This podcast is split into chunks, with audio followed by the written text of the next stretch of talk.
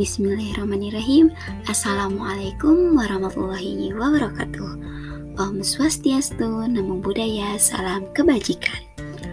Pada edisi kali ini, saya Suci Islami akan menemani sahabat hebat beberapa menit ke depan. Tentunya dalam podcast Labadu Universitas Pendidikan Indonesia Kampus Tasikmalaya. Sahabat hebat, Tahukah kalian, semangat persatuan bangsa Indonesia tercermin pada segi budaya lokal, salah satunya melalui tarian. Banyak tarian daerah Indonesia yang menyerukan persatuan. Nah, setiap tari tradisional terdiri atas penari yang melakukan tarian secara perorangan, berpasangan, atau berkelompok. Kegiatan menari lebih dari satu orang, apalagi berkelompok dalam jumlah yang sangat besar, membutuhkan kekompakan. Posisi dalam menari perlu diperhatikan oleh seorang penari. Pengaturan posisi ini disebut dengan pola lantai. Nah, sahabat hebat, pada podcast kali ini kita akan mengenal pola lantai tari daerah. Pola lantai adalah yang dilakukan oleh seorang penari dengan perpindahan, pergerakan, dan pergeseran posisi dalam sebuah ruang. Pola lantai sebenarnya merupakan teknik penguasaan panggung seorang penari.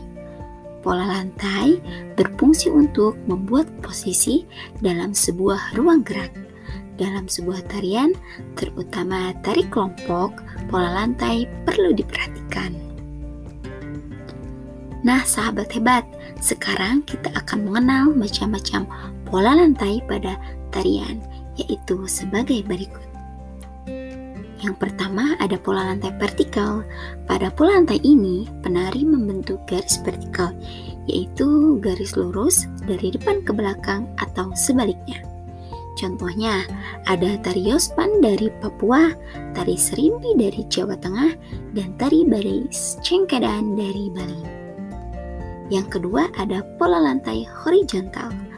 Pada pola lantai ini, penari berbaris membentuk garis lurus ke samping. Contohnya ada tari saman dari Aceh. Yang ketiga ada pola lantai diagonal. Pada pola lantai ini, penari berbaris membentuk garis menyudut ke kanan atau ke kiri. Contohnya ada tari gending Sriwijaya dari Sumatera Selatan. Yang keempat ada pola lantai meringkar. Pola lantai ini penari membentuk garis lingkaran.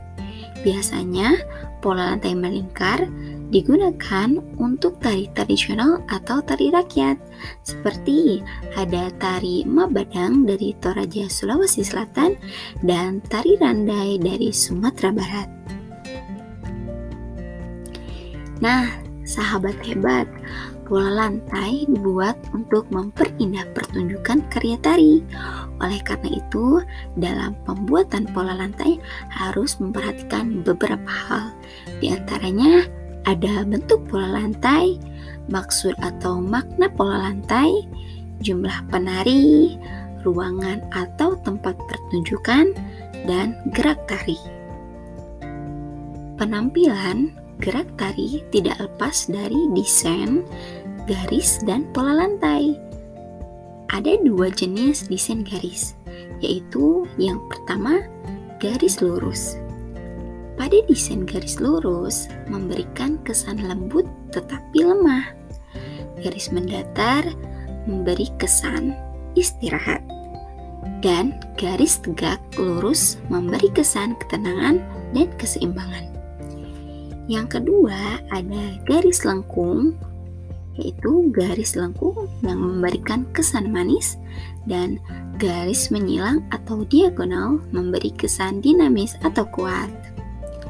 Nah, sahabat hebat, sekarang kalian sudah tahu kan pola lantai dan desain garis pada suatu karya seni tari.